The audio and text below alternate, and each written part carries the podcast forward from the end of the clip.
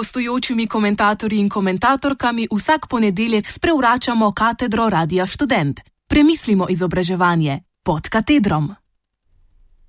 Steve Biko in študentsko gibanje v Južnoafriški republiki.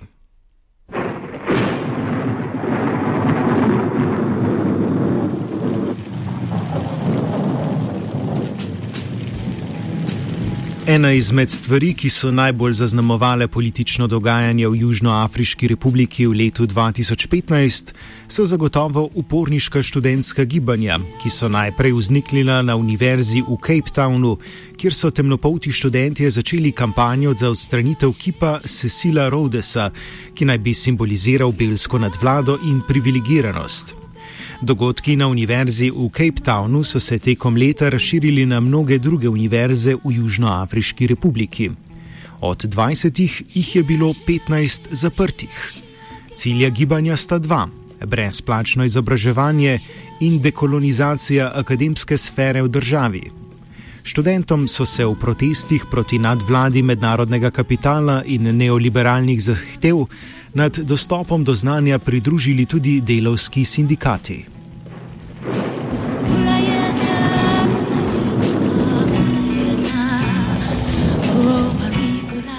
Upor in zahteve študentov ter delavcev so toliko bolj pomembne, saj univerzo v Južnoafriški republiki zaznamujeta dva pola. Prvi je prostor za širjenje idej, prostor preupraševanja, svobode ter znanja. Ob boku pa mu popolnoma enakovredno stoji zgodovina univerze kot prostora zatiranja, segregacije, epistemološkega nasilja ter apartheida. In ravno ta zgodovina danes slika situacijo, v kateri je procentualno razmerje med belskimi in temnopoltimi študenti 70 proti 30.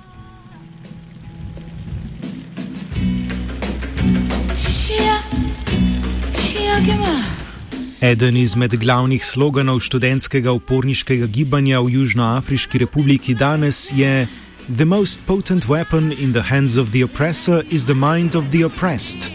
Gre za citat, ki ga je v enem izmed tekstov zapisal Steve Biko, južnoafriški študent ter politični aktivist, eden izmed ustanoviteljev South African Students Organization ter idejni vodja gibanja Black Consciousness.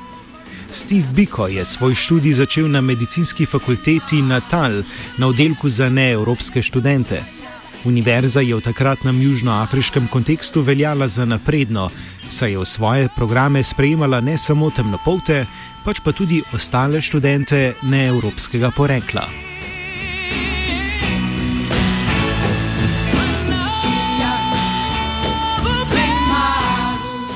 Na univerzi se je Biko vključil v organizacijo National Union of South African Students, ki je po prepovedi delovanja stranke Afriškega nacionalnega kongresa ter Južnoafriške komunistične stranke veljala za glavno protiapartheidsko gibanje v državi.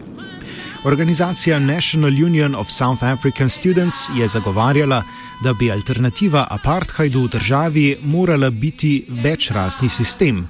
Kljub liberalnim nazorom študentske organizacije pa sta dejstvo, da temnopolti in beli študentje na konferencah niso imeli dovoljenja, da bi bili nastanjeni v istih prostorih, ter vedno večji občutek, da gre pri belskih aktivistih za srednje razredno liberalno miloščino, povzročili, da so Biko in njegovi somišljeniki leta 1968 ustanovili svojo študentsko organizacijo ki je bila namenjena zgolj temnopoltim študentom, imenovano South African Students Organization.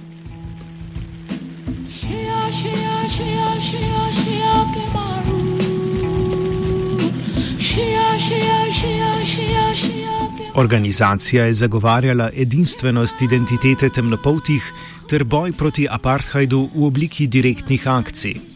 Ideologijo organizacije je Steve Biko oblikoval predvsem preko svoje kolumne I Write What I Like, ki jo je v časopisu organizacije pisal pod psevdonimom Frank Talk. Ideologija se je močno naslanjala na dela ameriških temnopoltih aktivistov Stoklija Carmichaela, Malcolma Xa, Charlesa Hamiltona in predvsem advokate tako imenovane črnske ideologije Jamesa Conena ter antikolonialističnih piscev kot je bil Fanon. Steve Biko je v svojih kolumnah redno napadal narative o belskosti, privilegiranost, segregacijo ter kulturni genocid, ki ga je zakrivil apartheid.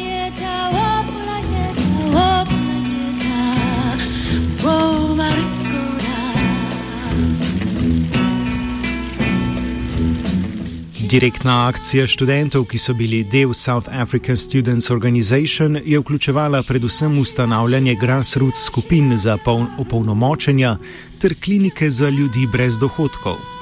Sploh to je bilo eno izmed glavnih vodil SAS odgovornosti temnopoltih študentov do neprivilegiranih skupin. Aktivistične skupine, ki so nastale znotraj SAS-o, so delovale pod imenom Black Consciousness Movement.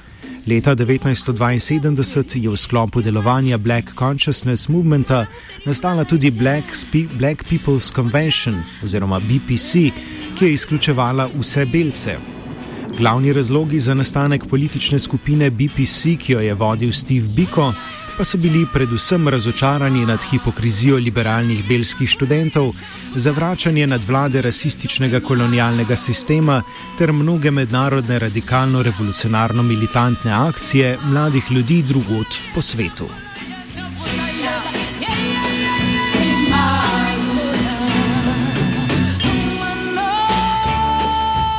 Zaradi političnega delovanja, organiziranja direktnih akcij in vedno večjega števila privržencev je vlada apartheida februarja leta 1973 Steveu Bikoju izdala dekret o prepovedi govorjenja z več kot eno osebo hkrati, prepoved javnega nastopanja in prepoved gibanja izven njegove soseske. Poleg tega so v javnosti bili prepovedani vsi njegovi citati, prepovedano je bilo poslušanje njegovih govorov ter pogovori o njem. Kljub prepovedi delovanja pa so Biko in Black Consciousness Movement igrali eno izmed glavnih vlog v organizaciji protestov imenovanih Soveto Uprising, ki so se zgodili 16. junija 1976, ko je več tisoč srednješolcev na mesto v šole šlo na ulice, da bi protestirali proti uvedbi predavanja vseh predmetov v afrikanščini.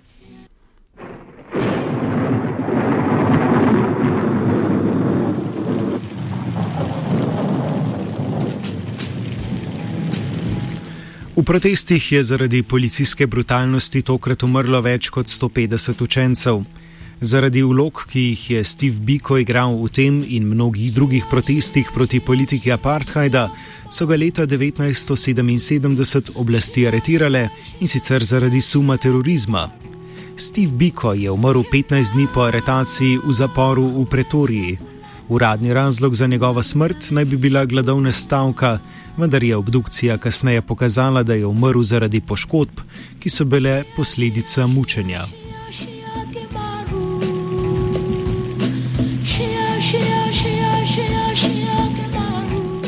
Zapuščina Steva Bikoja, če njegov boj umestimo v trenutno dogajanje v Južnoafriški republiki, tako leži predvsem v nedokončanem boju za enakopravnost enakopravnost v dostopu do izobrazbe, enakopravnost, ko gre za razmerje med belskimi in temnopoltimi študenti in profesori na univerzah, ter še vedno boj za enakopravnost v družbi.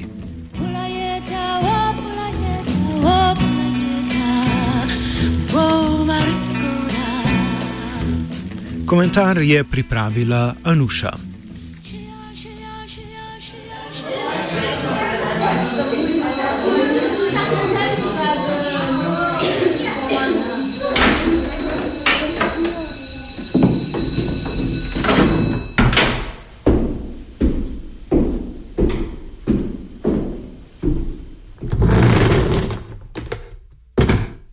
Gostujočimi komentatorji in komentatorkami vsak ponedeljek sprevračamo katedro Radia Student. Premislimo izobraževanje pod katedrom.